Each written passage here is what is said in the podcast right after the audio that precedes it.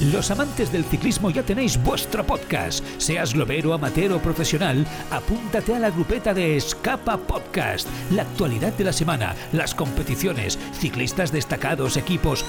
Escapa Podcast, con entrevistas, debate, la información técnica y las novedades del mercado de la bici gracias a la tienda líder de ciclismo. Escapa. Ponte el maillot con nosotros. Escapa Podcast, en las principales plataformas de podcasting. Tarda i benvinguts al Tribuna. Si l'halcó mil·lenari té a Han Solo, l'estrella de la mort a Darth Vader, Dagobah a Yoda i Naboo a l'insufrible Jar Jar Binks, el Tribuna Marca de Radiomarca Barcelona té a Joan Prats.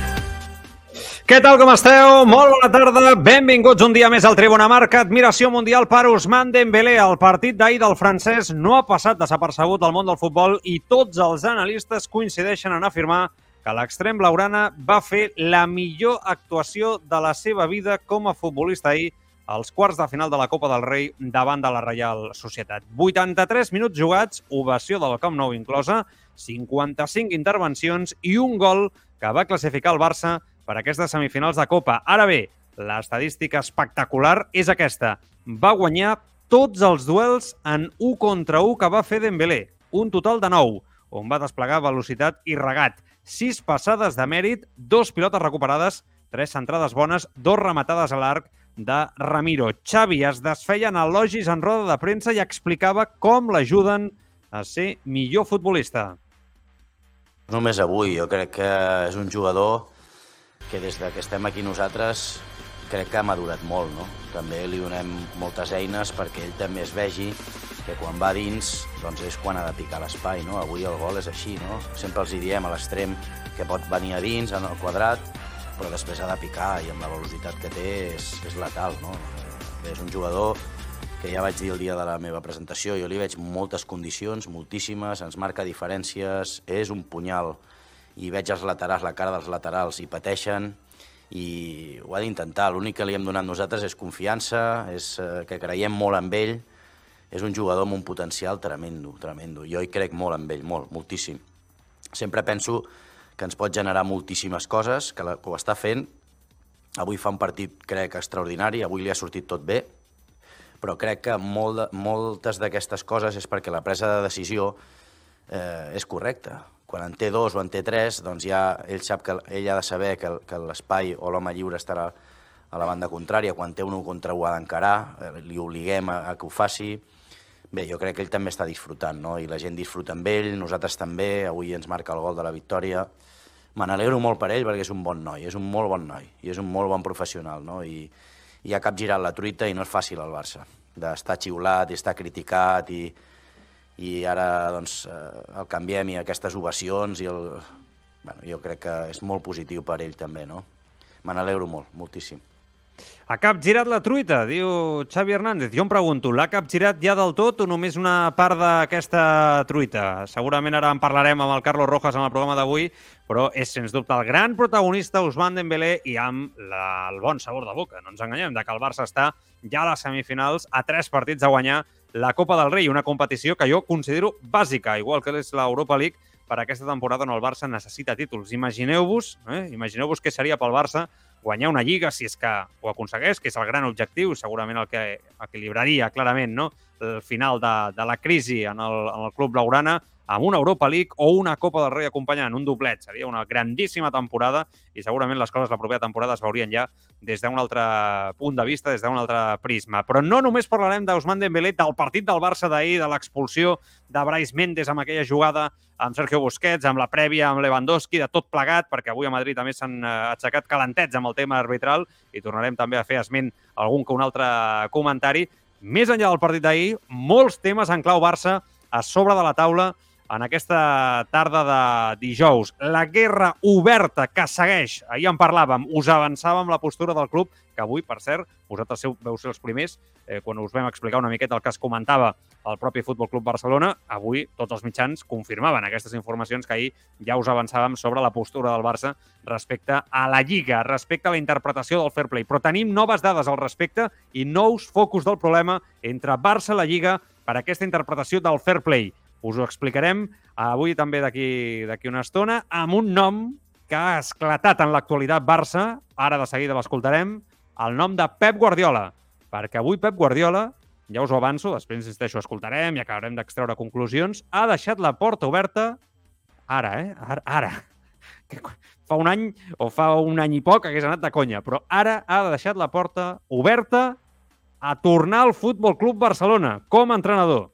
És, sens dubte, la bomba del dia, en aquest cas, en la roda de premsa que ha donat avui Pep Guardiola. Però abans de res, anem a saludar el Carlito Rojas, que avui, a més, té un partit important, eh? el seu Madrid davant de l'Atlético, un partidàs, el derbi madrileny, per un lloc a les semifinals, on ja està el Barça. Carlos, què tal? Bona tarda, com estàs? ¿Qué tal? Buena tarde, pues sí, sí, partidazo. La verdad que ayer no lo pasamos muy bien, hoy el de hoy un poco más caldeado ¿eh? que, que el de ayer.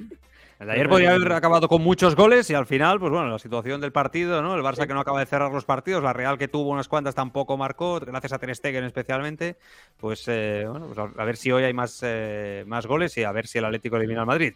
Eso lo digo yo, ¿eh? no lo dices tú, eso lo digo yo. No, es que no, no, por lo que sea no lo voy a decir yo. ¿eh? Lógicamente, lógicamente. No, pero oye, que le iría muy bien yo creo al barcelonismo que el, que el Madrid cayera de, de, la Copa del Rey. Hmm. Creo que No, le iría muy bien. Sí, hombre, claro. Yo- a ver, ir bien yo creo que iría bien siempre. Cuando el Que Barça gane el va mejor, ¿eh? Más allá de esto, que gane el mejor siempre, ¿eh? por supuesto. Justicia futbolística por encima de los colores. cuando el Barça está ganando tripletes y, y cuando está mal, ¿no? Yo creo que al Barça siempre le va bien que el Madrid no esté bien, ¿no? Que el Madrid Mm. caiga. Pero bueno, en cualquier caso, eh, el partido de ayer sí es uno de esos cer- eh, 1-0, iba a decir 0-0, que ya es por manía, eh, Mm. que a veces, ¿no? Dices que, no te explicas cómo acabar 1-0, puede parecer un partido aburrido, ¿no? De un gol y pocas jugadas, pero la verdad es que pasaron muchas cosas y fue un partido bastante disfrutable en ese sentido. En parlarem. Pero mm, el de hoy yo creo que va a ser un poco más parecido. Eh, punto más de tensión, un Sí, punto más marrullero, sí, ya lo dices tú por mí. Sí, sí, Duda, no- duda. Bé, estem en directe a través de Radio Marca Barcelona, a través de radiomarcabarcelona.com, a través de l'aplicació mòbil de Radio Marca Barcelona, a través del Twitch, twitch.tv barra el Tribuna. Veig allà tothom al xat que ha arribat amb força en aquest dia postpartit. Veig el Dana RCD, el Prosiquito 4, DJ Jos, el Juanito Guapito, el Cazaba 10, també al canal de YouTube, eh, el Juan Santiago Escobar, el José de Mataró, tots saludant, arribant aquí al, al programa, el Tanis eh, P87, bueno, la família del Tribuna Marca, eh, sencera. Recordeu, TikTok, Tribuna Marca, grup de Telegram molt important, molt actiu sempre, amb debats molt interessants, les 24 hores del dia en aquest grup farcit de culers, i algun que no, eh, que eh, també li fot cullerada al tema.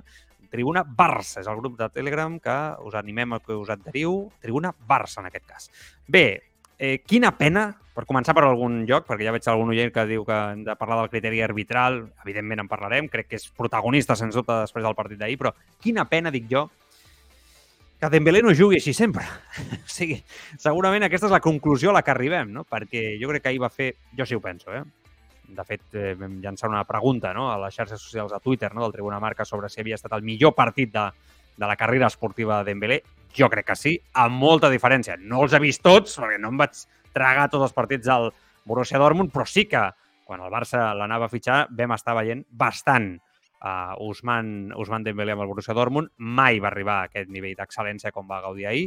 Mai el Barça havia jugat un partit tan complet com, com ahir, pràcticament sense, sense errors. I la principal diferència, perquè sí que és veritat que atacant, eh, de forma ofensiva, hi havia partits on Dembélé havia destacat molt i havia sigut de- decisiu, no?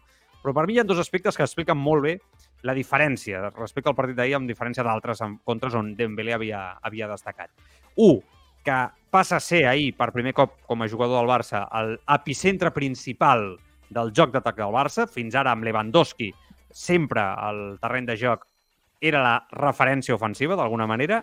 Ara no. Els companys co- tenen confiança en Dembélé. La primera referència ofensiva per on fer mal és la banda on està Dembélé. Enganxat a la línia blanca, Dembélé, però una cosa exagerada, vull dir, fins i tot a vegades fora del terreny de joc. Sota que Xavi li ha dit que s'enganxi al màxim possible, que obri el terreny de joc, insisteixo, de forma exagerada, i per allà és on ve tot el perill. Aquesta confiança ha canviat radicalment.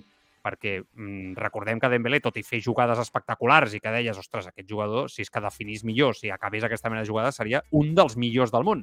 Però notaves que l'equip recelava, perquè després et perdia aquella pilota, eh, aquella, aquella interpretació del joc del moment que semblava que ell feia el seu partit i l'equip col·lectivament en feia un altre.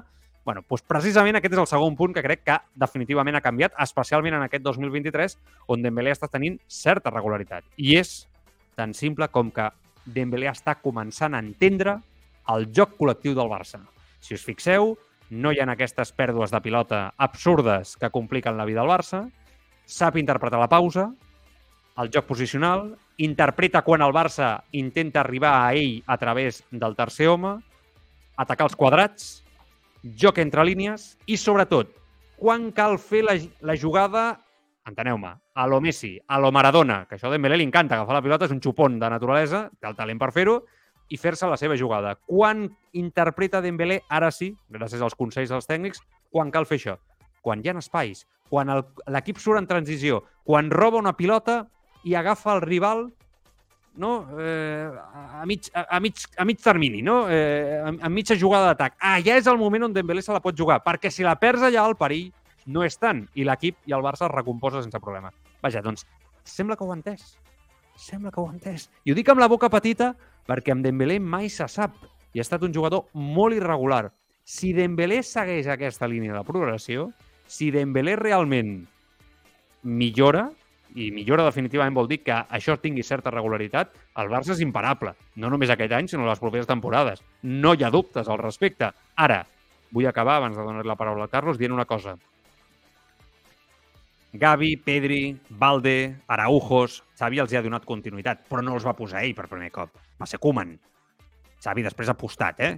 Per suposat. I s'ha de tenir els pebrots per apostar. Però aquest és seu, eh? Ningú confiava en Dembélé. Quan dic ningú, ja no parlo dels aficionats, dels periodistes, que aquí opinem, ens desesperem, ens estirem dels cabells. No, no. Parlo del propi club.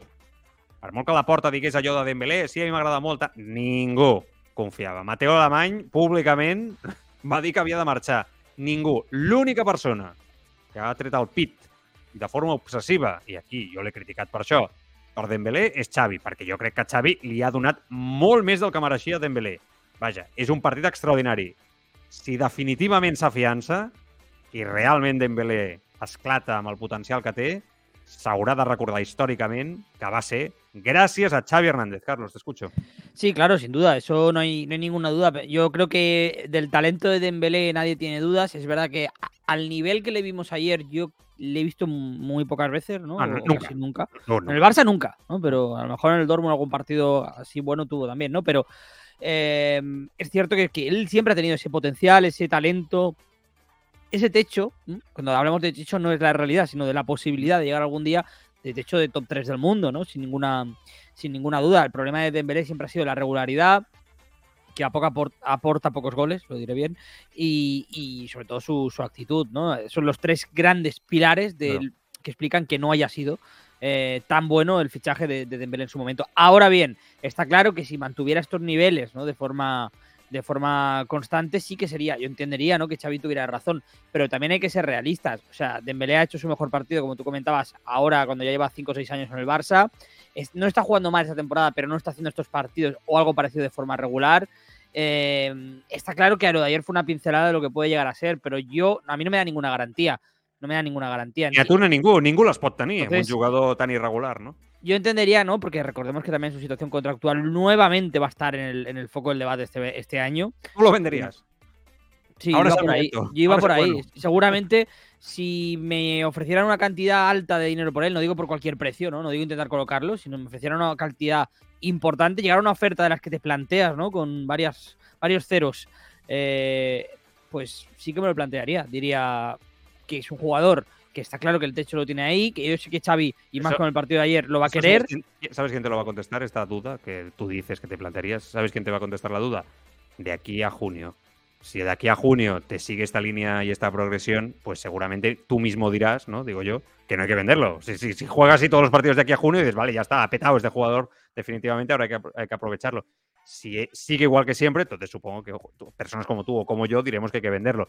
Lo digo porque ese es nuestro punto de vista, pero hay que ser realistas. Hay Dembelivers por todas partes que aún con partidos para mí muy irregulares y muy malos Lo han defendido. lo han defendido a muerte. Eh, o sea, que es un jugador que encandila a muchísima gente por su fútbol, que cuando está así, insisto, encandila cualquiera. Son- es que es, es- es normal, ¿no? Eh, tengo números, ¿eh, Carlos? Lo digo porque Adelante. Interesante. Usman Dembélé ha participado directamente en 15 goles esta temporada, 8 tantos y 7 asistencias. Mes de enero, acabando, ¿no? Cerca ya de, de- de febrero.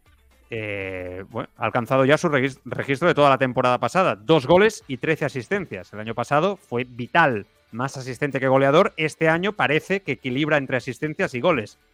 Más allá de esa irregularidad, los números hablan. Ha- Hay un paso al frente. O sea, es verdad que está disponiendo de un rol de intocable absoluto para Xavi, pero creo que es una evidencia, ¿no? O sea, los números hablan. El jugador es mejor este año que el año pasado. Es mejor que nunca. Sí, no, no, eso está claro, ¿no? Y, No es y- suficiente. Bueno, quizá no. Pero por, un-. Yo creo que también tiene. Aquí influye mucho, primero, los hábitos de, de vida de Meleno ha cambiado mucho. Y segundo, que por primera vez, si te das cuenta, no se está lesionando tanto, ¿no? No es un jugador que, que estaba haciendo la temporada completa, ¿no? Parece una tontería. Bueno, ya el año pasado ya sabes Claro, claro, claro, sí, sí. El año pasado también es verdad, ¿no? O sea, ya empieza a ser. No tener esas recaídas que también, ya no solo por el físico, sino por la mentalidad de una persona, de un deportista o cualquier ser humano, pues te hace irte un poco de. de- de- del- Gracias al fisio de Xavi, que parece que le cambió completamente el trabajo desde que llegó Xavi en noviembre del año pasado, no el otro, 2021, ¿no fue? Eso- Exacto. los, ca- los cambios, ¿no? Los cambios. La fisonomía, como entiendes la fisonomía del futbolista y aplicas, como buen fisio que es, en este caso, pues oye, eh, un, entra- un- un entrenamiento, un trabajo específico para el futbolista, una manera de vivir, etcétera. Bueno, está claro que, que el staff de Xavi son mucha gente.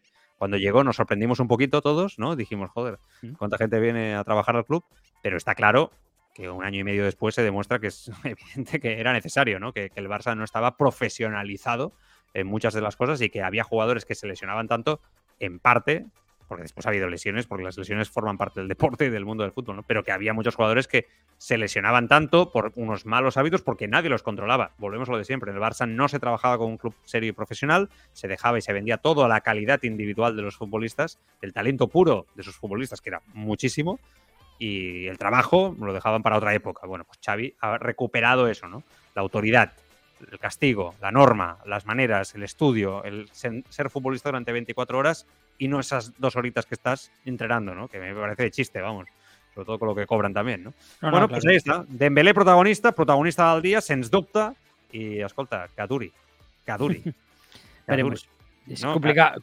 Bueno, Aquí es bueno, bueno, para bueno. mí, ¿no? La... O sea, yo creo que al final el debate de qué jugador, el- la clase de jugador que es, el potencial que tiene y todo eso, yo creo que incluso tú que siempre has sido muy escéptico, tampoco lo has dudado. O sea, nadie ha dudado de eso, ¿no? Con Nunca. El problema es que es un futbolista que hoy podemos estar todo lo que dure el programa y mañana también hacia- hablando bien de Dembélé y el domingo pu- puede que haga un partido en el que el Barça, por lo que sea, pongamos pincha, Dembélé no hace nada y, y- y ya volvemos Nos a la ese- contraria. Es lo normal. O sea, se lo, se lo busca él si hace eso. Claro, eh, claro, digo que es lo. Por desgracia para el Barça siempre ha sido lo habitual, ¿no? Pasar de, de, de, de un lado a otro, de un extremo a otro. Y yo creo Aunque que hay diferencias ¿eh? entre este Dembélé y el del año pasado. sí, los- yo- o sea, yo Sobre no todo el de los últimos dos años, sí. quiero, quiero ser justo, o sea, quiero ser cauto, pero justo a la vez. Veo cosas, veo mucha confianza, como he dicho antes, por parte de los compañeros, pero veo mucha confianza también en el mismo, ¿eh? Veo una, una autoconfianza, autopersonalidad. Tiene una personalidad que antes no tenía. Tiene una expresividad en el terreno de juego que antes no, no tenía. Eh, habla con el público, ¿no? El público que le pitó, que le llegó a pitar de forma clara. Como decía Xavi, ha, dado el giro, ¿no? A la situación. Ostres, ahora anima el, el al públic, mira al públic els anima, vinga, va, anem, anem. Sí, és, se sent important a l'equip, se sent que té un discurs, que té una presència. Hòstia, esto jamás hubiera dicho que era posible con Dembélé y está pasando.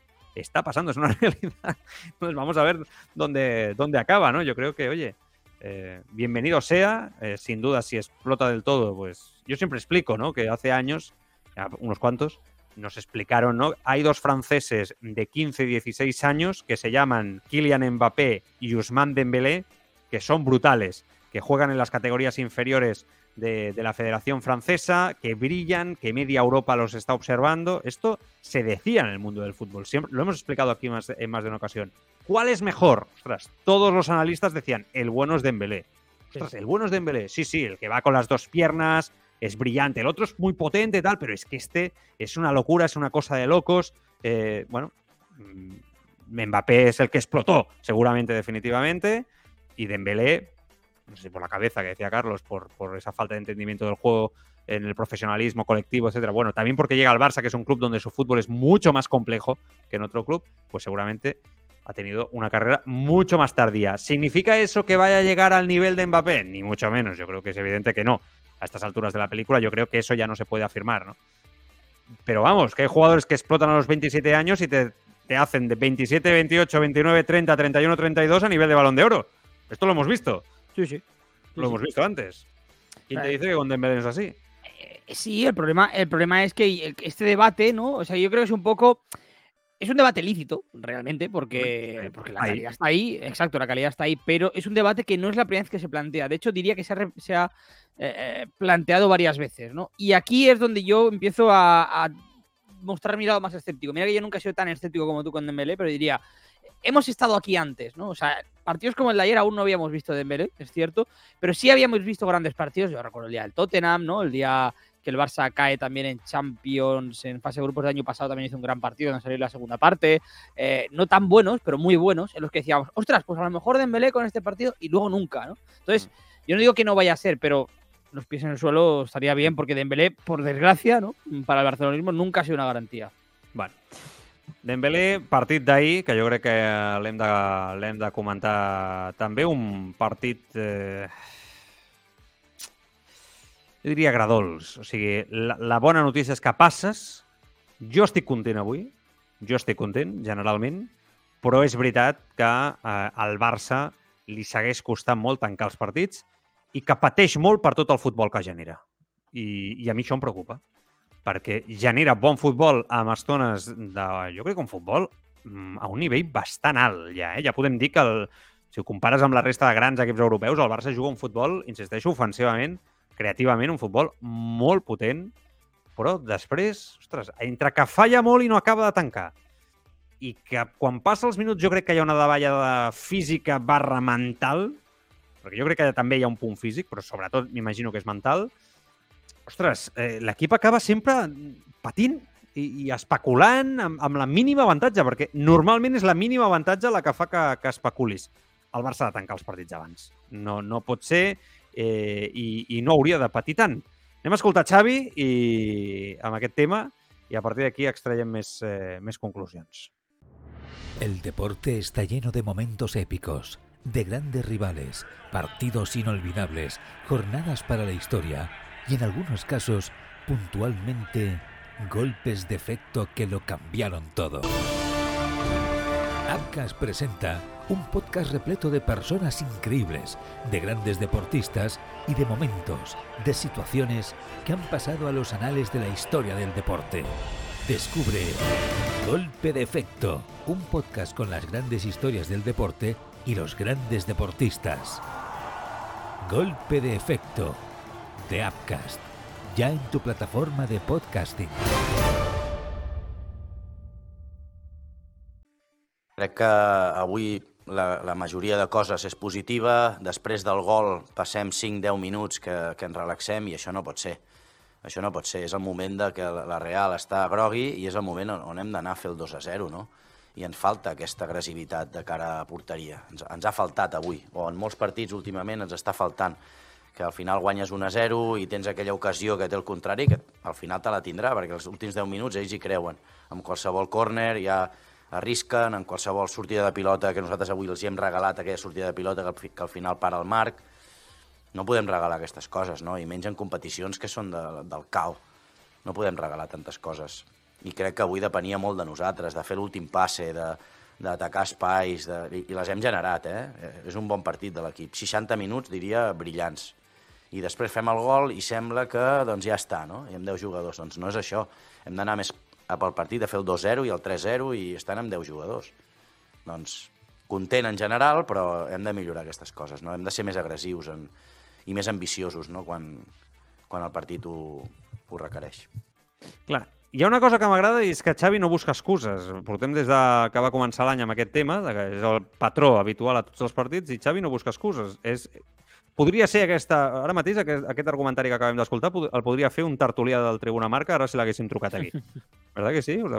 Podría haberlo dicho. Y eso me gusta mucho porque no busca ningún tipo de excusa. Él reconoce que el Barça no cierra los partidos y que, tiene faltas de atención, que se desconcentra, yo creo que especula con esa mínima ventaja. Se siente superior muchas veces, la falta de experiencia por parte de algunos jugadores, bueno, como conjunto no ha dado con la tecla en ese tema, ¿no? Eh, no lo soluciona o no lo debe de saber solucionar, porque es algo que se repite, él reconoce que está ahí, insisto, no busca excusas y no cambia, no mejora. Lo que sí que empieza a tener claro es que si esto no cambia de forma clara, aun viendo todo lo positivo de este equipo, que yo insisto, creo que es un equipo muy sólido y muy regular y muy difícil de vencer, porque ahí están los números, eso yo creo que está ahí, es innegable. Creo que en el momento clave, cuando se deciden los títulos, marzo, abril, ¿eh? más abril que marzo, creo que esto al Barça lo va a matar. Si no cambia ya, ¿eh? Lo va a matar. Creo que por aquí se va a escapar la Liga, se puede escapar la Copa y la Europa League si sigues vivo. Insisto, creo que es, es un tema muy peligroso. Es lo típico que vas arrastrando como equipo durante toda la temporada y que cuando llega la hora de la verdad hostia, ese, ese balón que paraba siempre Ter Stegen al final, pam, va dentro. Ese palo va dentro. Ese córner tonto que sacabas, hostia, ahora se me va dentro. La falta aquella tal, para dentro. Insisto, ojo con este tema. Yo creo, yo debería, creo que debería estar preocupado con esto el cuerpo técnico. Eso no significa que estemos o hagamos una valoración mala del partido de ayer. Intentamos mirar un poco más allá, ¿no? Altura de miras. Sí, yo, yo escuchando lo que decía Xavi, creo que realmente que existe esa preocupación. Entendiendo por preocupación, ¿no? Que, bueno, es algo que no, por lo que no mueren, ¿no? No, no, sin dormir, pero, pero sí que es algo que creen y tienen muy localizado, ¿no? Que tienen que cambiar. Eh, creo que el fútbol siempre, o sea, esto que voy a decir es un topicazo, pero es cierto, se gana y se pierde las dos áreas. El Barça ha recuperado algo que no tenía el año pasado, que es el área defensiva. Es un equipo muy sólido defensivamente. De hecho, si no fuera sólido, estaría pinchando muchos partidos precisamente por este problema de gol, ¿no? Que dices, de matar los partidos. Eh, esa solidez está solventando muchísimos encuentros y, eliminatorias como las de ayer. Y está haciendo que al final la temporada, al menos en competiciones domésticas, esté siendo perfecta. O sea, es prácticamente imposible de mejorar para el Barça. Y el tema aquí es que yo, por ejemplo, ahora te escuchaba y me imaginaba el escenario contra el Manchester United y contra el Manchester United tienes que tener esa, esa pegada. ¿no? O sea, es que el, United es un equipo que te va a generar más que ahora mismo por el estado de forma en el que está ¿no? y, lo vertical que es. Y, es un, hmm. equipo que fluye, que fluye mucho. ¿no? Te voy a decir una cosa, ¿eh? por esto que estás diciendo. claro, es que tú tienes que meterlas porque al final va a ser una eliminatoria en la que cuando ya e, en Europa normalmente se está en la prueba de algodón, ¿no? Con el tema de las áreas si tú perdonas, lo pagas. O sea, lo pagas. Y lo hemos visto en mil casos, ¿eh? No tiene nada que ver con el Barça, con otros equipos. Mm. Si el Barça no está a ese nivel contra el Manchester United arriba. Hablas del United, pero te puede valer a falta de cuatro jornadas un Barça Celta, bueno, me invento el Celta, no sé si es el que toca, ¿eh? En ese, cuando falten cuatro jornadas, y sufrir si no entran. Ahora bien, te voy a decir otra cosa que creo a la vez que digo esto. Cuando los partidos se ponen feos, es que es, increíble, es un poco extraño esto, ¿eh? ¿eh? lo que le pasa al Barcelona. El equipo saca su mejor versión y entonces saca los partidos adelante. O sea, no sé si me, explico. Si es el United, hablamos de ese partido, porque Carlos lo ha puesto de ejemplo y creo, creo que es el gran partido que viene ahora por delante, ¿no? Si el United se pone por delante ante el Barça en una situación de vida o muerte, y el Barça está a 30 minutos eh, contra las cuerdas, el Barça ahí no va a especular, ahí va a sacar su mejor fútbol como equipo. O por lo menos eso es lo que nos viene eh, enseñando. ¿Me entiendes lo que quiero decir? O sea, en, cambio, sí, es, cuando el Barça se adelanta. O sea, que el Barça es superior a la mayoría de rivales con los que juega, incluso el Madrid ahora mismo, porque lo vimos en la Supercopa, es una evidencia, por momento. Entonces, el problema es cuando se avanza en el marcador falta de confianza por todo lo que ha fallado, lo ha fallado. Yo creo que es la presión, el miedo a perder. Bueno, lo que siempre digo, la memoria colectiva de los equipos de fútbol, que es algo que no es tangible, pero que está ahí, ¿no? Y que, y que es una memoria que no se ve, que no es como la de individual de cada uno, pero que está ahí, ¿no? Que, que los equipos tienen una memoria colectiva, un miedo colectivo, una seguridad colectiva. Pues esa inseguridad colectiva creo que se traduce cuando van por delante. Cuando tienen que remar a la contra y hacer la épica, el equipo saca su mejor versión. O sea, no, eh, tampoco esa teoría, Carlos, me dice, me explica que si el rival se adelanta, tú no vas a darle la vuelta, sino todo lo contrario. Es que es curioso, es que el Barça es una locura ahora mismo. ¿eh? no, no, analizarlo es una pasada, ¿eh? de hecho. Pero es verdad que es un equipo en construcción, también hay que decirlo, ¿no? yo creo que ha dado un paso adelante muy importante esta temporada. O sea, eh, en ese sentido, Lewandowski, por ejemplo, dentro, ahora hablamos del área rival, por mucho que tú quieras mejorar y que entiendo que los extremos tengan que aportar y, y los mediapuntas, aunque no hayan el Barça, ¿no? Dentro de cabe también.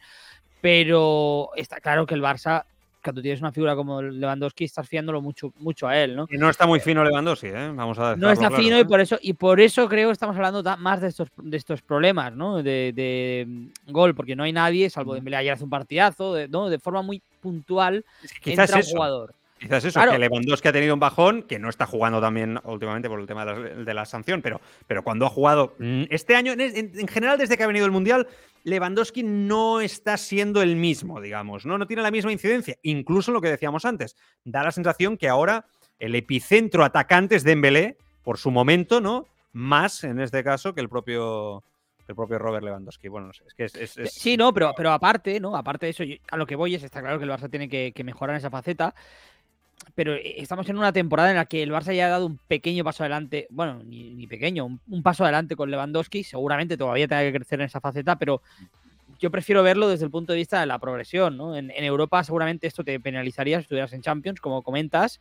Eh, si vas a jugar contra el City, pues tienes que ser muy oportuno, tienes que saber estar al, tener el día, como por ejemplo el Madrid año pasado, ¿no? El Madrid año pasado fue peor en el cómputo Bueno, global, pero fue muy oportuno, ¿no? Y, y supo. Peor en casi todas las eliminatorias. o Pero fue mejor, pero fue mejor en, las- en el área, en el área rival, ¿no? Que el Manchester. City perdonó muchísimo. Exacto. Lo de, Entonces- lo de siempre, hijo, lo de siempre. Lo, lo- lo que no tiene explicación, lo de siempre, sí, sí. No, pero, pero es- exacto, pero quiero decir, el Barça en ese sentido a lo mejor sí que ya ha dado un paso muy grande en defensa y un paso más pequeño arriba, ¿no? Eso el año que viene lo tiene que complementar y por eso creo que estamos hablando aquí cada día de cambiar los extremos y de, Sí, y sí, de la sí. revolución de la delantera. Por. A la vez que parece que el epicentro poco a poco del juego del Barça vuelve al centro del campo. Recuerda que en principio, a principio de temporada hablábamos de que parecía que ese epicentro ¿no? se ponía arriba, ¿no? Que incluso parecía que era un juego más vertical, dudábamos, estábamos incluso hasta sorprendidos, ¿no? De que el, el juego eh, fuera en esa dirección. Y ahora parece que poco a poco el epicentro del juego del Barcelona vuelve al centro del campo, sobre todo en esa apuesta por los cuatro centrocampistas que ayer volvimos a ver qué es lo que funciona en este equipo, principalmente, y que viene a la normalidad o vuelve a la normalidad, digamos, no? Eh, tema àrbitres. Tema àrbitres, perquè ahir va ser especialment decisiu. Gil Manzano, per començar, surt a la gespa, xiulat per tot l'estadi del Camp Nou, les primeres jugades també, qualsevol decisió, pressió màxima. No el poden ni veure els aficionats del Barça. Em sembla lògic perquè és un àrbitre que realment està molt lluny del que hauria de ser per mi professionalment a primera divisió en general, ja no només pel Barça. Però bueno, això és una opinió molt personal. Si us centrem a Can Barça, evidentment el Barça és un equip molt perjudicat històricament els últims anys per, per Gil Manzano. Dit això, arriba la gran jugada. La jugada que, no ens enganyem, és clau, tot i que el Barça estava embotellant a la Reial Societat i clarament era superior ja abans d'aquesta expulsió. Però l'expulsió a Brais Méndez, evidentment, fa que fins i tot la Reial Societat modifiqui molt el seu estil de joc, es tanqui molt al darrere. Fins i tot jo crec que el Barça juga pitjor contra 10, perquè la Reial es tanca molt que contra 11, però bueno, això ja, ja és un altre tema, ja ho hem comentat abans. És cert que en el tema de l'expulsió jo aquí donaré el meu punt de vista. Ho dic perquè avui m'he hagut d'escoltar de tot. De tot. O sigui, aquí, eh, en segons quins punts escoltessis eh, debats o anàlisis del partit d'ahir, semblava que el Barça eh, o que Brais Méndez estigués injustament expulsat. bueno, ho respecto tot, sempre ho diem, punts de vista, s'ha de respectar tot, jo aplico una mica el reglament. Eh, per començar, crec que hem d'anar a l'origen. Qui treu del partit a Brais Méndez, amb un punt d'experiència, cal dir-ho, és Lewandowski. Per mi, en comptes del que s'ha dit, Lewandowski no mereix l'expulsió. Ho dic perquè això m'ho he escoltat avui. No, Lewandowski va provocar Brais Méndez, va, va mereixer l'expulsió. Crec que, bueno, en fi, crec que ens hem begut l'enteniment. Eh? Sí que és cert que Lewandowski en un moment determinat, des del primer minut del partit, dialècticament el treu del partit, cuerpea, lo busca, ¿no? Eh, bueno, jugador veterano, jugador más joven como es Bryce Méndez, lo saca del partido. Lewandowski le pega un manotazo en la cara a Bryce, creo que es evidente que lo vemos todos, Gil Manzano se lo come o mm, evita sacar esa tarjeta. Yo creo que tarjeta amarilla era para Lewandowski y a partir de ahí Bryce se cruza, se siente agredido, no se ha sentido protegido por el árbitro, Lewandowski ha conseguido su objetivo, que es sacar al jugador del partido. Siguiente jugada es una acción clara para mí de tarjeta de Bryce Méndez a tarjeta amarilla, en este caso, por la entrada abajo contra Lewandowski.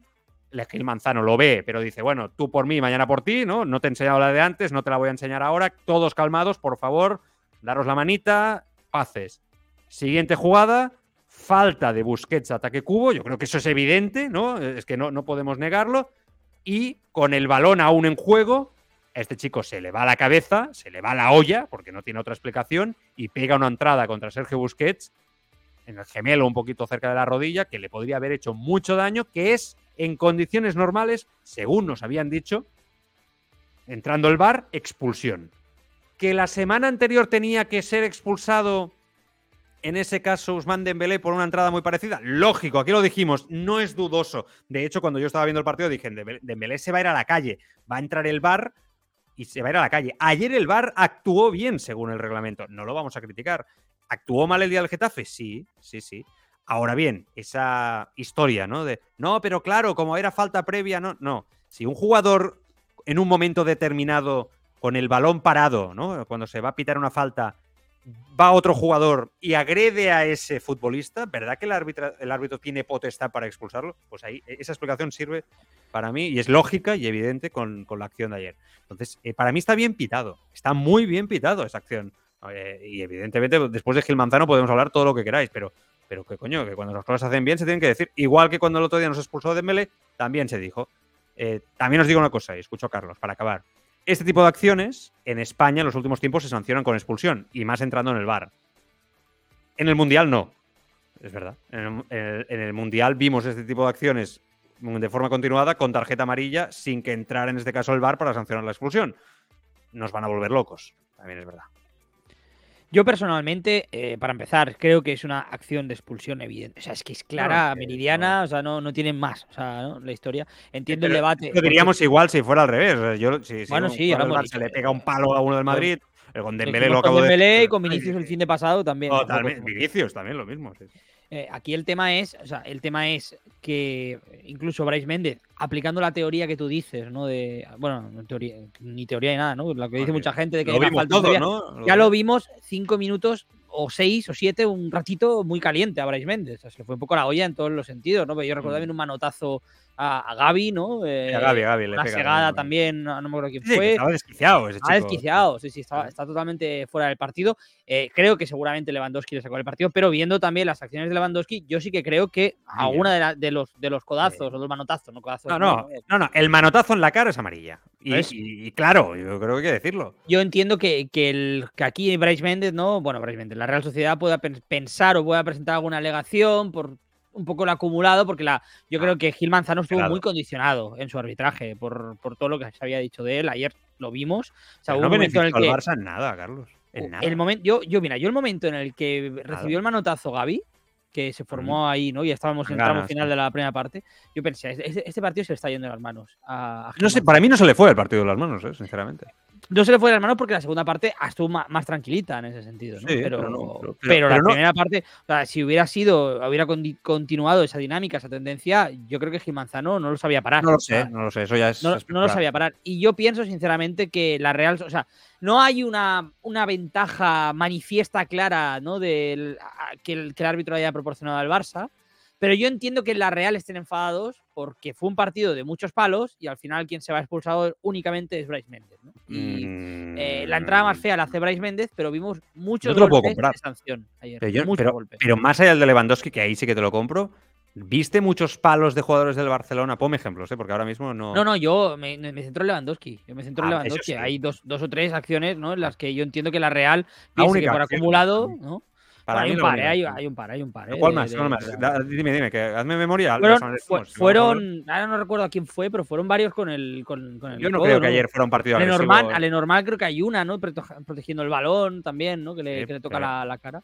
Precisamente es un eh, jugador que le pega un palo a Dembélé, merecedor de tarjeta, eh, clarísimo, que tampoco lo sanciona. Sí, sí, no, sí, yo no digo que no, pero yo te estoy diciendo el acumulado de Lewandowski, ¿no? Yo creo que el partido en general, aquí Manzano estuvo a punto no sé. Los yo no lo veo tanto. ¿eh? De, irse, de, las manos. ¿eh? Queda claro. Yo no lo veo tanto. Ahora bien, si esto, yo he escuchado a algún aficionado de la Real Sociedad, aficionado en algún periodista, en alguna tertulia, que digo, hostia, estás justificando la derrota de la Real en base al arbitraje. Y creo que no es justo, sinceramente.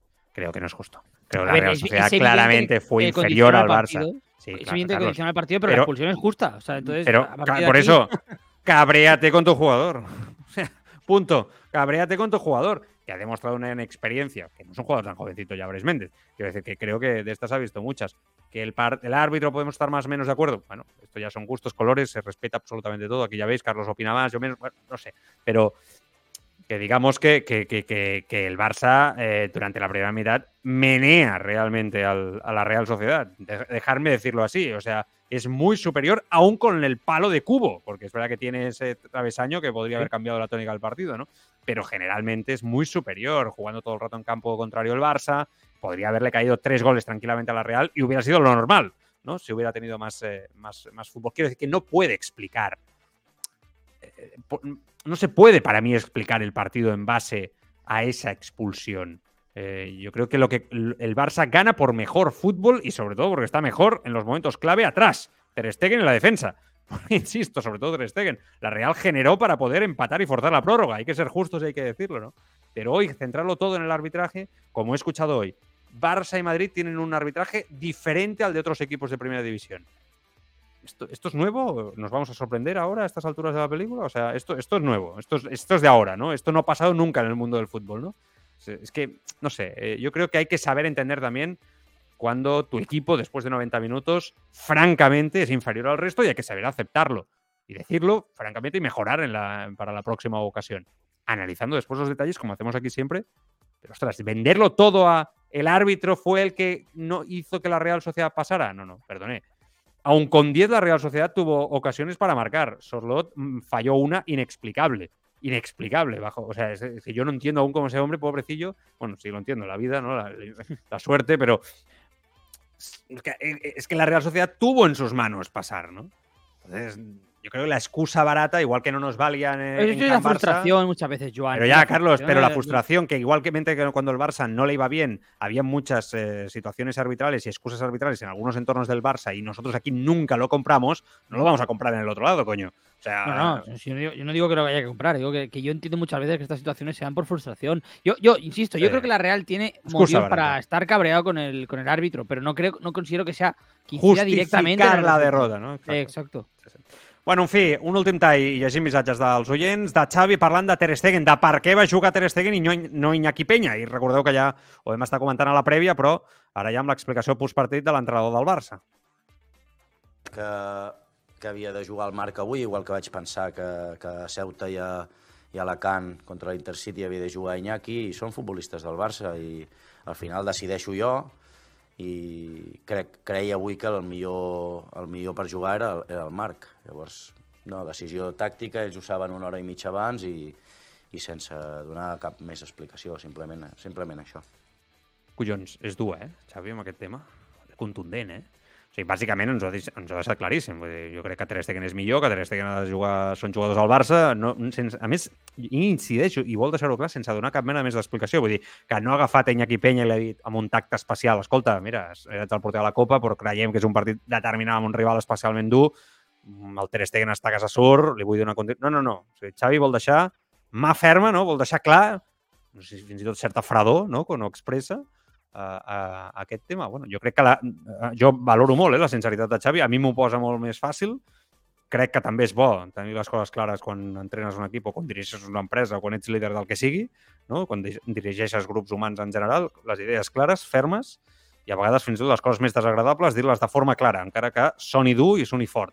Sí, pero yo creo que no va un poco con el estilo de Xavi, ¿no? Xavi suele ser una persona que no tiene problemas en ¿Y quieres decir que ha detectado algo con Iñaki Peña? O... Sí, pues yo, fíjate, yo voy a pensar mal aquí, ¿no? O sea, yo no, no sé si, pero vamos, yo creo que si fuera, ¿no? Con otro jugador, por ejemplo, cuando le han preguntado por Rafinha, ¿no? Eh, creo que también le preguntaban por Rafinha. Al final de la rueda de prensa, la última respuesta. pues. Exacto, ¿no? Y decía, bueno, sí, eh, no os Nos preocupéis. va a dar mucho, va a entrar en importante, tal. A ver, evidentemente Rafinha no tiene el rol de en Claro, es un portero pero- y el otro es un extremo. claro. Pero, pero fíjate la explicación que da con Rafinha, ¿no? Y la explicación que da con Iñaki Peña, es No, mucho, no. más, mucho más fría. Yo ahí, no sé, detecto, o sea, quiero, quiero decir, al final puedes tener un gesto con Iñaki y decir, Iñaki es un gran portero, contamos con él al máximo, ¿no? Eh, todos sabemos la calidad que tiene, pero eh, he apostado por tres, por lo que sea, no sé. Pero no, no, no nos explica, ¿no? Y yo creo que esto a Iñaki, que ayer hablábamos que podía, ¿no? Estar sospechando que el entrenador no confía en él, pues yo creo que le da más motivos para. Y a mí, por ejemplo, me da más argumentos, ¿no? Yo, para pensar que Xavi no le ve un portero de garantías para el Barça.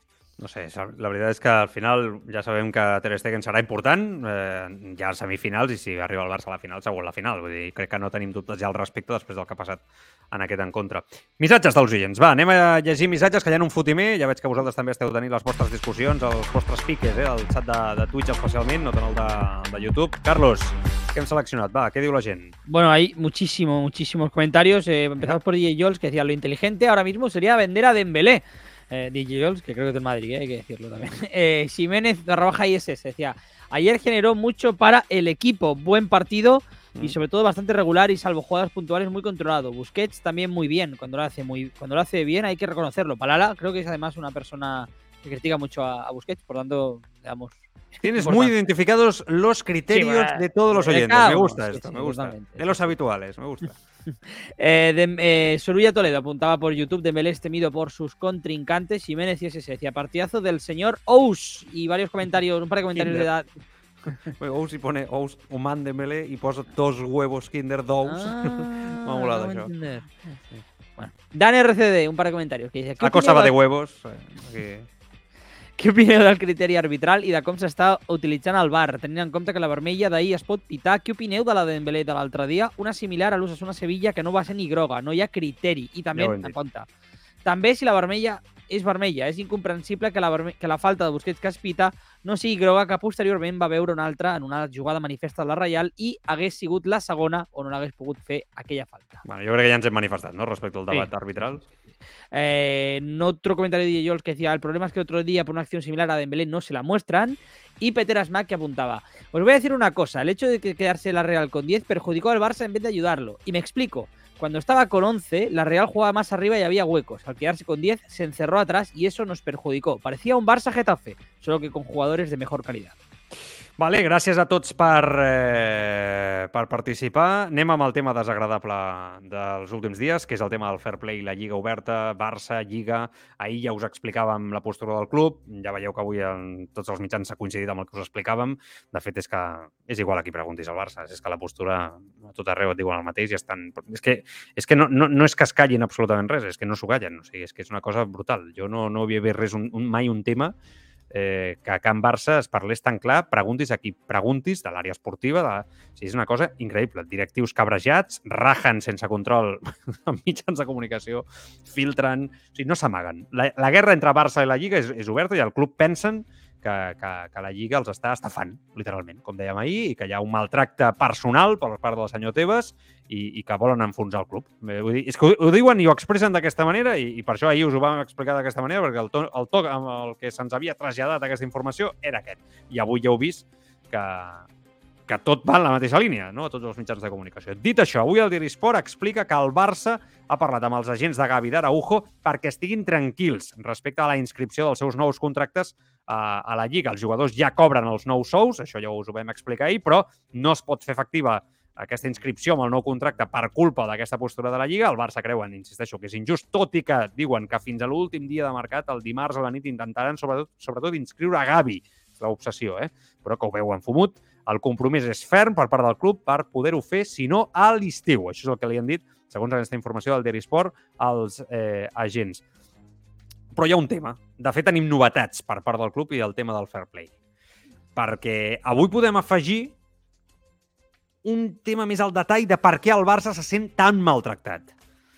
El Barça creuen principalment que la Lliga està fent trampa amb el Barça pel famós 15% de la massa salarial extra que la Lliga ha activat per tots els clubs que van signar l'acord amb, amb CBC. Recordeu, si signaves amb CBC tenies un 15% extra no? a la massa salarial. Aquest era l'acord de la Lliga amb tots els clubs que entraven amb CBC. Barça i Madrid no ho van fer. Com el Barça no ho va fer, com diem, la Lliga li prohibeix comptar amb aquest extra. El Barça va signar, recordeu, amb el fons d'inversió Six Street, però és la mateixa operació, però amb Six Street, amb més diners pel Barça, que va comprar el 25% dels drets de televisió pels propers 25 anys, en aquest cas.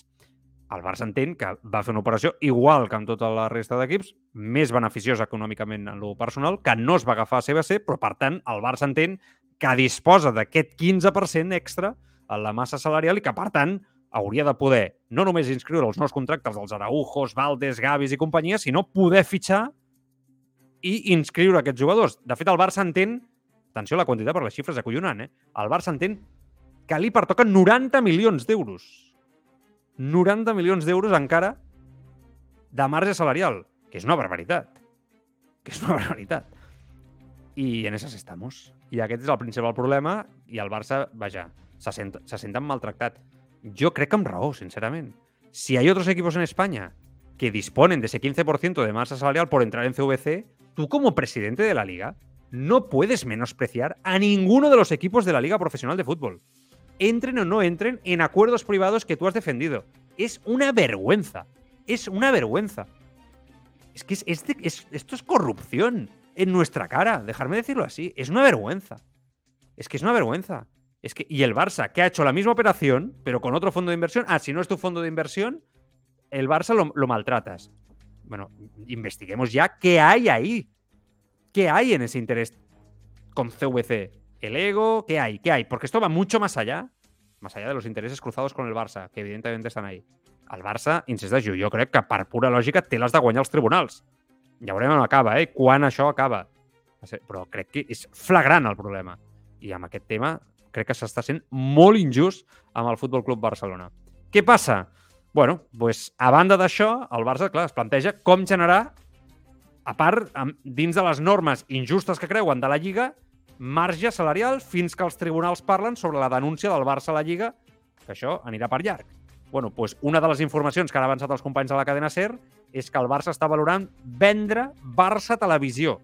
Vendre Barça Televisió. Per què? Perquè una de les normes de la Lliga diu que si el club ven algun actiu deficitari, perquè recordeu que el de les palanques ja només es pot utilitzar un 5%, per tant, ja aquella mesura anti-Barça, el Barça ja va quedar fora d'aquella lluita. Però si ven un actiu deficitari, Barça Televisió és deficitària pel propi Futbol Club eh, Barcelona, de fet és, és una despesa en aquest cas, llavors sí que aquella palanca podria ser utilitzada i el Barça, si ven Barça Televisió, que a més ha un merder amb Telefònica, que és la que ho gestiona amb els sous que paguen els treballadors enorme, que porten en vaga un mes, eh, bueno, pues Lliga interpretaria que, aquest, que llavors sí que hi hauria marge salarial. Bueno, el Barça valora vendre Barça Televisió per intentar aconseguir aquest marge. Pero claro, es que Carlos, es que el Barça está desesperado. Es que se va a vender la tele para poder mantener a sus activos, que son sus futbolistas. Es que el señor Tebas está llevando al club a una situación de ruina. Es que esto es muy fuerte. O sea, el presidente de la liga se está cargando un equipo que es Yo- histórico. Es que se está volviendo loco. Perdóname. que Yo creo, así. Yo creo que el club tiene que estar preparando, más allá de lo que comentas de que Barça TV. Algo muy Yo gordo. creo que. Barça TV, exacto, tiene que estar preparando. O sea, yo no creo que el Barça esté. y al igual que te dije en verano que yo no cre- me creía que Tebas estuviera con la cabecita gacha, ¿no? Creo que el Barça está haciendo lo que hizo Tebas en su momento, ¿no? Coger aire, tiempo, preparar una respuesta a la altura. Pero mira, yo no tengo ni idea de, de este tipo de, de layers, ¿no? Pero, pero a mí lo que me, me sonaba, ¿no? Cuando estabas diciendo lo de CVC, ¿no? Y, y todo el tema de Six Street, Chantaje. como el Barça. Aparte de chantaje, yo no sé si eso, en cuanto a lo que es competencia, ¿no? O sea, al final eh, estás intentando desbaratar una competencia, ¿no? Como puede ser Six Street de, de CVC, ¿no? Por mucho que sea un acuerdo fuera de, de la liga, es un acuerdo privado y libre y que no incumple ninguna normativa previa de la, de la liga. De hecho, se ha, com- se ha hecho una ley única y exclusivamente para eso, pero que en realidad yo creo que si el Barça presenta ante un- la justicia y dice es el mismo Mm. tipo de acuerdo que ha firmado la liga, ¿por qué el mío es ilegal y por qué el suyo no? Sí, sí. O sea, Y te digo una cosa, si es- el Madrid tuviera problemas con el margen salarial, el Madrid estaría en, el mismo, en la misma situación. O sea, la única diferencia entre Barça y Madrid es que el, el Madrid tiene cuadrado el margen salarial. Si el no, Madrid- estaría el Madrid ha tenido la economía cuidada. Si, si el Madrid hubiera tenido una ge- un, No, no. también un gestor paupérrimo, No, no, te digo una eh, cosa. que estarían es- los dos no, contra. Tebas, madre mía. Pero siendo el Madrid, porque el Madrid en la capital, bueno, ya sabemos, sería el doble. O sea, el, el- el eco mediático de esto sería el doble. El doble. O sea, el doble. Sí, fue que- o sea, el Barça está en una situación Sí, sí, no, no tenga ahora- ninguna duda. está en una situación muy solitaria, aunque va con el Madrid de la mano en esto, pero está muy solitario en esto. en Sí, pero el. Madrid, el Madrid va de la yo creo que el Madrid va de la mano en proyectos Claro. como de la Superliga, pero Claro, yo creo que aquí Florentino no mira a se otro mete. lado. No se mete porque él no tiene este problema, ¿no? Pero, Claro, porque- pero- y porque no nos vamos a engañar. O sea, Florentino siempre Ya. una persona que ha jugado al límite de, ¿no? de lo Sí, sí. ético. No, yo no. creo que Florentino vaya aquí a rasgarse la vestidura y a decir, no, no, vamos a defender al Barça como haga falta. También te digo que es verdad que Florentino, entre comillas, ya hizo mucho diciéndole al Barça que no se metiera con lo de CVC, ¿no? Cuando, Mm. cuando pasó sí. aquello, ¿no? Yo celebro que el Barça no se metiera en lo de CVC, vamos. ¿eh? Yo creo que es una buena noticia.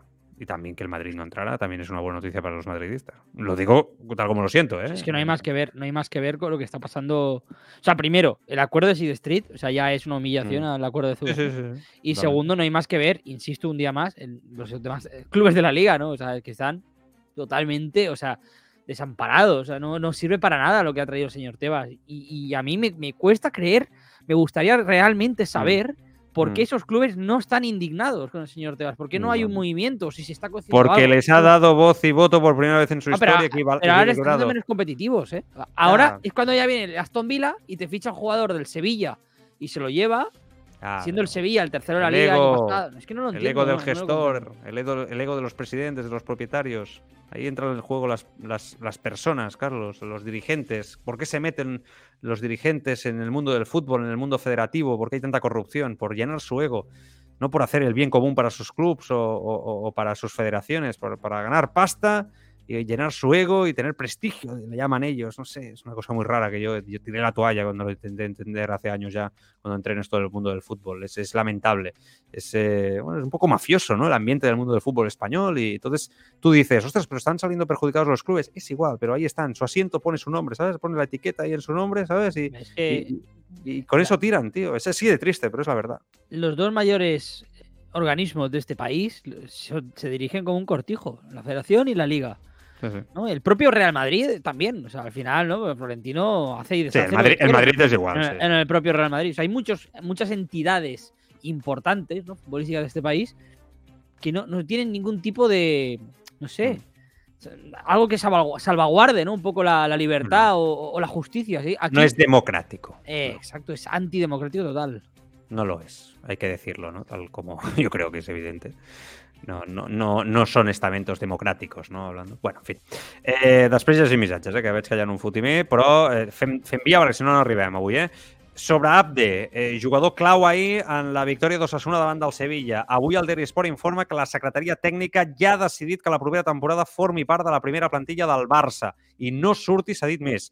Està fent una bona temporada a Pamplona, a Xavi sempre li ha agradat molt, si va sortir va ser perquè tenia molta competència amb Rafinha i Ferran Torres, però molt possiblement els dos estiguin fora la propera temporada. Podem contemplar, jo crec que amb aquesta informació d'avui, queda, queda molt, no? però un Barça que prepara una altra cosa que li surti bé, perquè ja sabem com estan les coses dels fitxatges i les incorporacions, però yo creo que llenando un poco todas las informaciones y los huecos libres ¿no? de las filtraciones que están habiendo, yo creo que la idea del Barça es el año que viene atacar con Lewandowski, con Ansu Fati, en principio, ya veremos, pero Ansu Fati, Roque, que es este brasileño de 17, 18 años, ¿no? Que parece que va a ser la apuesta.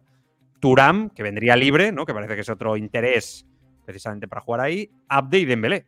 Y Ferran Torres y Rafinha fuera. Yo creo que es un poco la idea, ¿eh? Por donde van los, eh, los tiros. Uno dirá, ¿qué me- ¿cuál es mejor delantera? ¿La actual o esta que os acabo de narrar? Con Lewandowski, Ansu Fati, Roque, Turam, Abde y Dembélé. Bueno, pues que cada uno opine, ¿no? Son, dos jugadores que hay que ver, ¿no? A- tanto a Roque como a, como Turam. O sea, yo no me ahora mismo no, a mí Turam, por ejemplo, me parece algo algo torpe, ¿no? Eh, me parece un buen jugador, ¿no? Pero, pero veo algo torpe. Eh, a Vitor Roque lo tengo menos controlado, pero está claro que son dos melones por abrir totalmente. Es decir, te puede salir muy bien.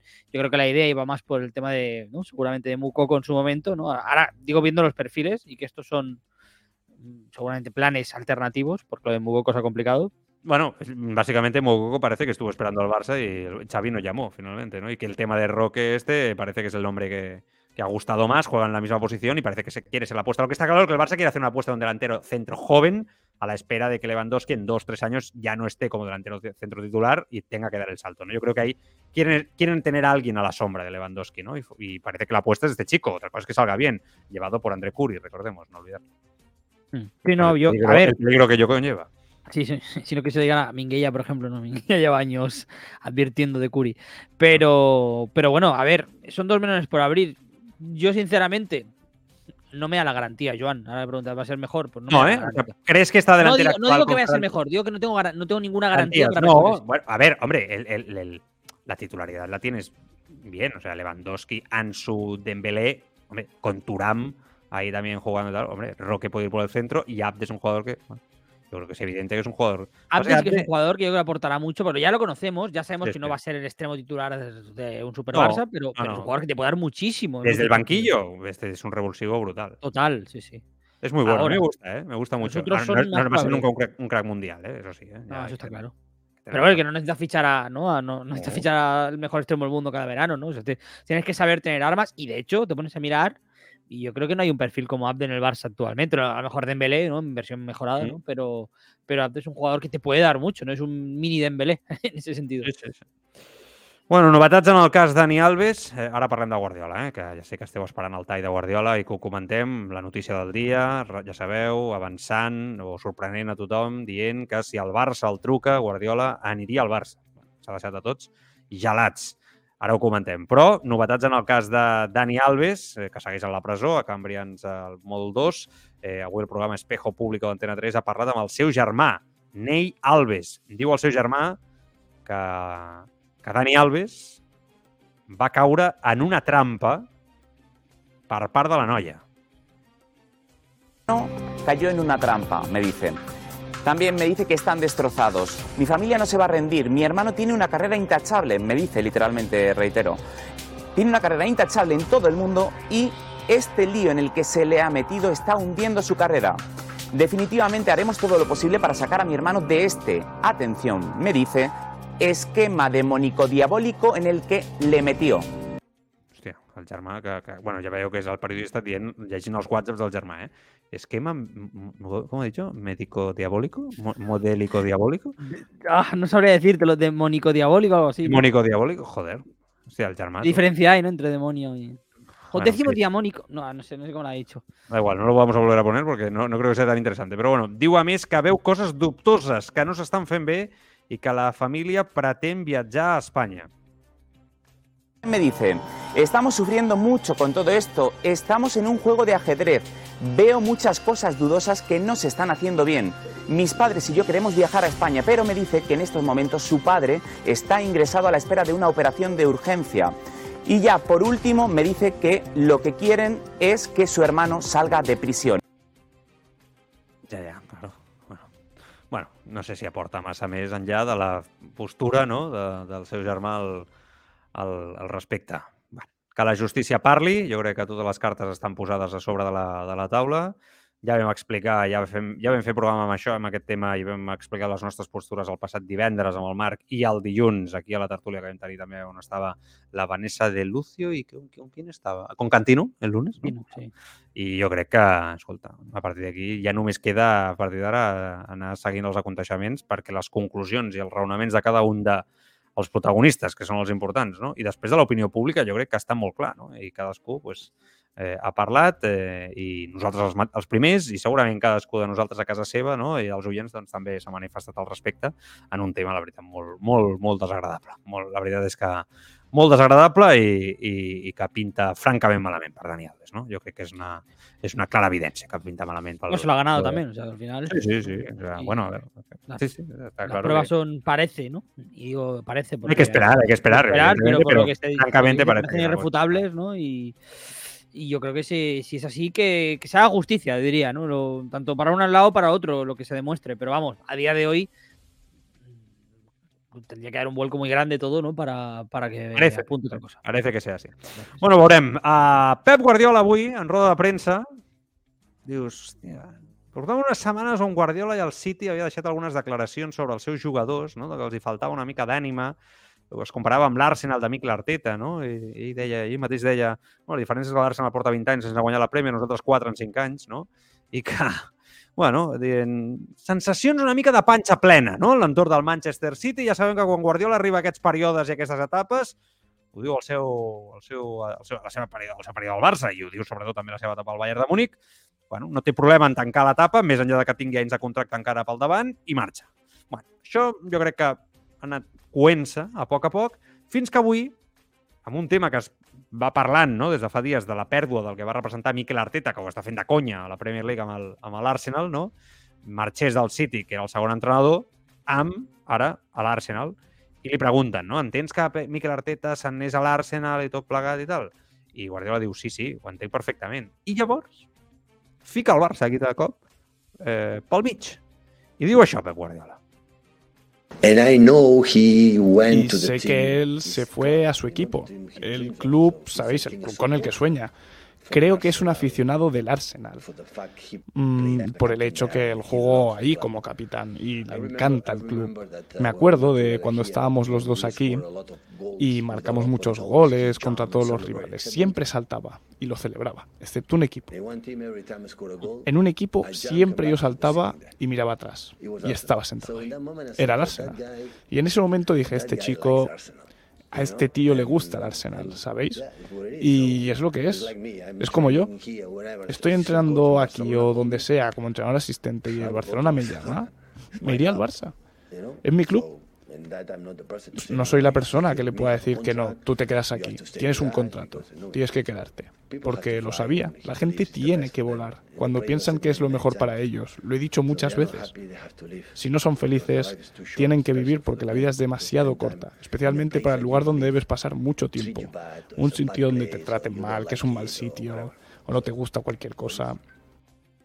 Totalment. Jo, jo, això que diu Guardiola serveix per qualsevol aspecte de la vida, eh? també relacions, eh, familiars, relacions personals, amics, eh, parella, serveix per tot. bueno, és, és una declaració que jo per mi no crec que sigui casualitat. O sigui, jo crec que és una evidència que Guardiola alguna cosa ha canviat al City. En les últimes setmanes, en els últims mesos, no ho sé, però alguna cosa està canviant. Ja a principi de temporada, tot i que recordeu que fa poc ha renovat amb el City, eh? però ja a principi de temporada ja va dir, bueno, algun dia potser torno, ja veurem, la vida, jo no descarto res, cosa que fins ara, fins ara Guardiola, recordeu, és que clar, això s'ha de posar en context. Qui ha dit Guardiola des de que va marxar com a entrenador del Barça sempre que se li ha preguntat per un retorn? Negativa, pilotes fora i fins i tot dir que a mi època ja passó, no? jo ja passé, ja tal se ha de saber decir adiós, ahora el momento es el de Luis Enrique, ahora el momento es el de Pascual o el otro. Sí, siempre su discurso ha ido en esta línea, ¿no? Y hoy, de golpe, ha soltado esto. Guardiola es la persona que mejor conoce los tiempos mediáticos del mundo del fútbol para mí. Sabe perfectamente cómo se van a interpretar sus declaraciones en, en, en, todo momento. Yo creo que en Can Barça lo conocemos mejor que nadie. En un momento mediático muy duro, muy importante, él lo llegó a dominar con Mourinho del otro lado como nadie desde el banquillo del Fútbol Club Barcelona. Creo que es una evidencia que esto de hoy no es casualidad.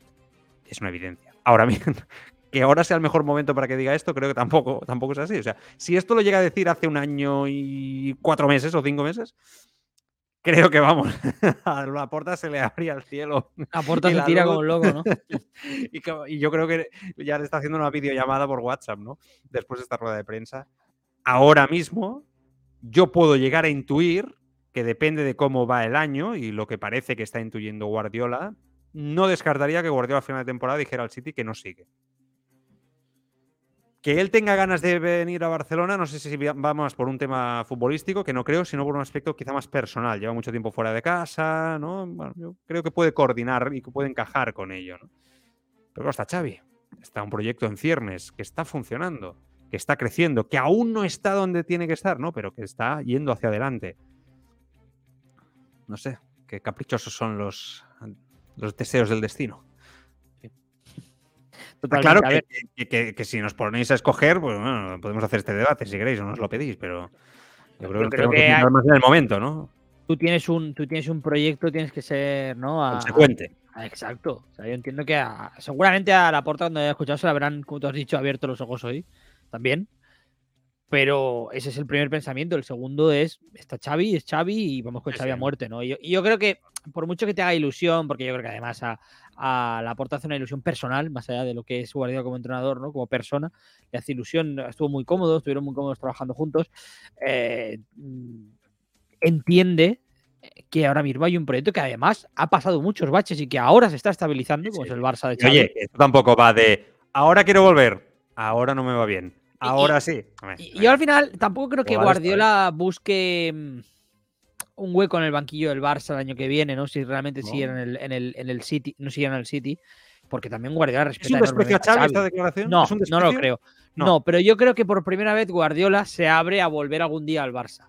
No digo que, que quiera volver la próxima temporada, si el Barça, pues por diferentes condiciones, tuviera el, el banquillo libre, igual sí. Mm. yo creo que se abre por primera vez en el futuro a, entrenar al Barça otra vez. Pero. De una forma bastante importante. Claro, pero no, no, creo, no creo que lo haga pensando el año que viene quiero irme al Barça, voy a hacer la declaración hoy. Yo creo que él lo hace de, Abre la puerta, al futuro. Ir al gancho, ¿no? Decir, bueno. Claro, porque hasta ahora, cada vez que el Barça cambia de entrenador, decíamos Guardiola no es una opción, porque siempre lo descarta. Ahora, si por algún motivo Xavi sí, año que viene hace una mala temporada y se va a la calle, o él deja el club, por lo que sea. te iba a decir. Claro, es que aquí hay un, un tema importante ahora estamos hablando de esto, ahora, a día de hoy, ¿no? En enero, finales de enero. Vamos a ver cómo va la temporada. Es que esto es, que esto es lo del fútbol, es fútbol, es que esto es así, ¿no? Eh, Xavi eh, está en un momento creciendo, etcétera, tal, vale, le apoyamos, proyecto que el club no puede cambiar el discurso, porque, porque Guardiola está en el mercado, o sea, es que sería, vamos, yo creo que sería un, un disparo al pie y enviarías una, un mensaje débil, ¿no? Como gestor por parte de Laporta y su gente al aficionado horrible. Pero sí que es verdad que si el Barça se queda en un casi al final de temporada, imagínate que no gana la Copa, no gana la Europa League y no gana la Liga. Y a final de temporada pasa eso que estábamos comentando antes, que oye, esos, esos balones que no entran de los rivales ahora acaban entrando. Y Guardiola dice, bueno, como intuimos, ¿no? Que el tema del City parece que hay algo, ¿no? Vamos a ver en qué acaba, ¿no? Pero vamos a especular y acaba y se va. ¿Qué? Tú eres la porta y ¿qué haces? Guardiola está en el mercado.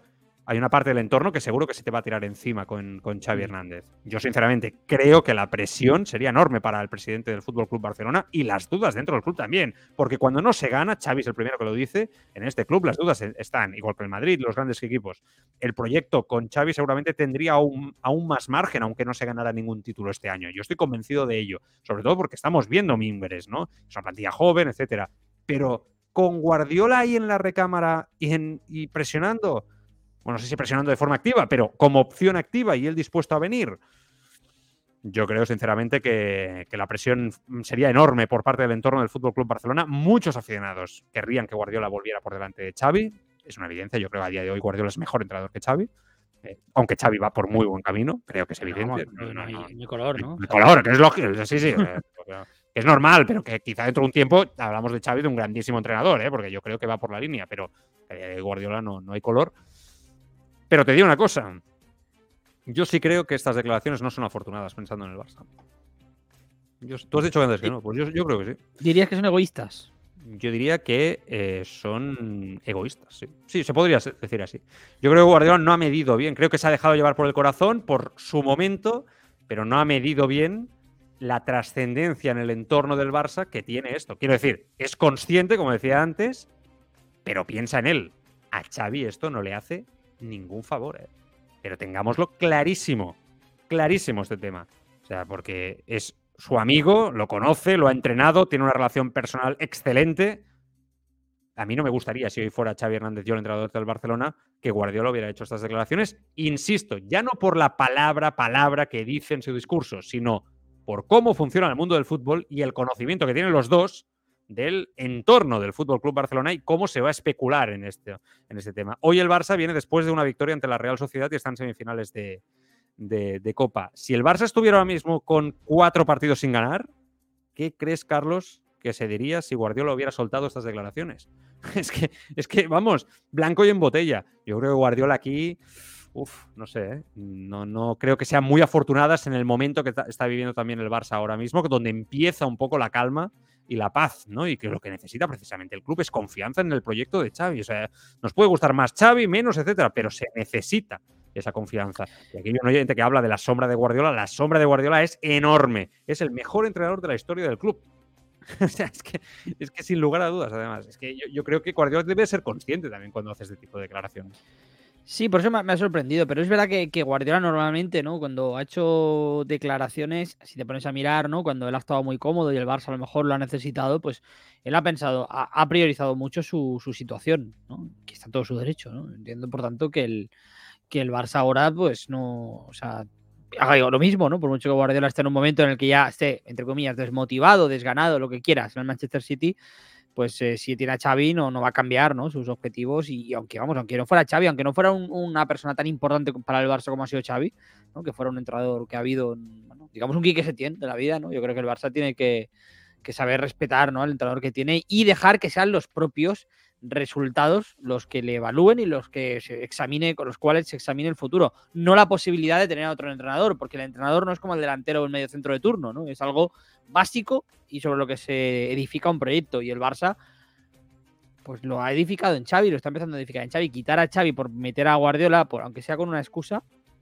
yo creo que sería tirarte No, piedras no, contra tu propio la tejado presión, por la credibilidad. Guardiola eh, ha estado presente en la figura de Xavi desde el primer día que Xavi llegó al Barça. ¿Estamos de acuerdo en esto, Carlos? Sí, sí, claro. Entonces, eh, con estas declaraciones no haces más que ponerle presión a saco. A saco. Es que yo lo veo clarísimo, vamos, no sé. Eh, te digo que, que, no sé. Bueno. Yo creo que Guardiola está cabreadillo ¿eh? en el City. Nos vamos, ¿eh? pero leo, llegim missatges y marchem. Pero creo que tú que si- sigues mucho la Premier, eh, eh, No sé cabreado, pero yo creo que está, de- lo que te he dicho antes, desganado. sí, desgastadillo. Mm. Ya, ¿no? El el Arsenal un poco ya es una lucha nueva, ¿no? Parece que la era el City-Liverpool ha acabado en Inglaterra. Eh, vamos a ver qué hace Klopp, por ejemplo, ¿no? Que tenía tres años más de contrato. Guardiola no tanto, pero me da a mí que ya se cierra, ¿no? Esta temporada yo creo que es un buen epítome, ¿no? O sea, United, Arsenal, ¿no? El City y el Liverpool han desaparecido, a pesar de que el City está segundo, ¿eh? Que Guardiola lo recuerda, ¿no? Constantemente, pero la, la sensación, la tendencia del City no es la de equipo en caída, ¿no? En que sigue, porque tiene un equipazo, sigue ahí arriba, pero es equipo en caída, ¿no? Y el United y el Arsenal, sobre todo, son equipos en subida. Eh, momento de reconstrucción, seguramente del City, y a lo mejor a Guardiola pues no le apetezca hacer esa reconstrucción que está en su. en Y también te digo una cosa, si esto tiene que significar que el día que Xavi se vaya, porque imagínate que dentro de cuatro años el proyecto pues ha triunfado ya y Xavi decide que sabemos los entrenadores en Can Barça no duran mucho, ¿no? Y se va, eh, que es una pena, ¿no? Pero y si se va y tal, y Guardiola está ahí, pues mira, bienvenido sea también. ¿no? Quizás vamos a pensar en positivo. Vamos a pensar que, que este seria el guion perfecto de la, de la situació. Bueno, hem de marxar, però missatges, hi ha un fotimer també. El Carlos n'ha sele- n'ha seleccionat bastants, eh, pel que veig aquí a la, a la pantalla. A ver, Carlos, eh, ¿qué dice la gente? Un poco desde el tema de CVC, ¿no? Jiménez y SS decía, está claro que es corrupción, que se está aprovechando el problema que tiene el Barça para apretarle los tornillos. Dan RCD decía, si té les de guanyar queden un sim, però les regles són les mateixes. El Madrid està en la mateixa situació i no es queixa. Aquí el problema principal és la gestió econòmica del club. Peter Smack dice, es un chantaje vergonzoso.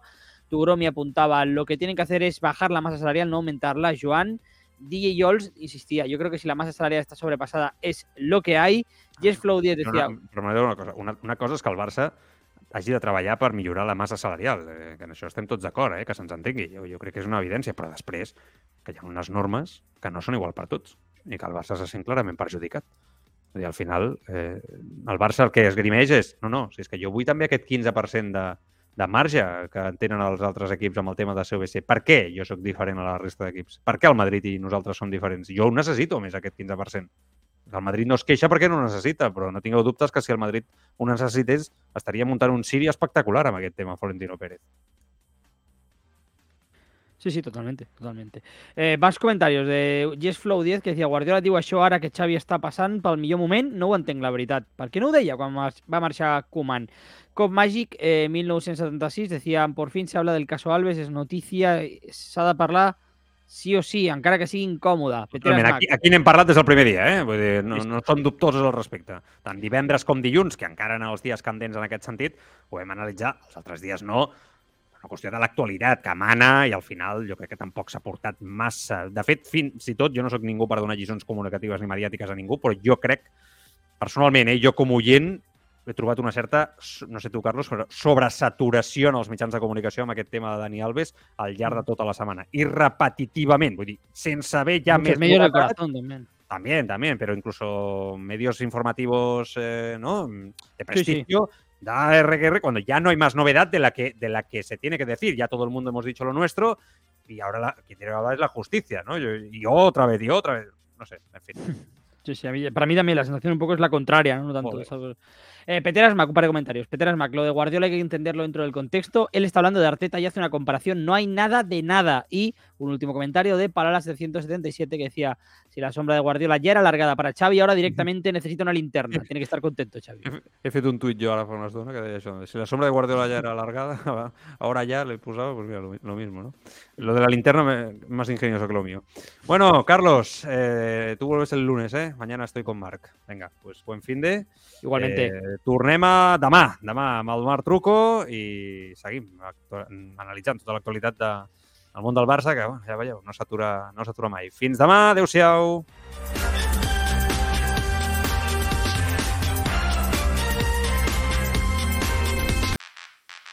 El deporte es sinónimo de éxito, de triunfo, de gloria, de respeto.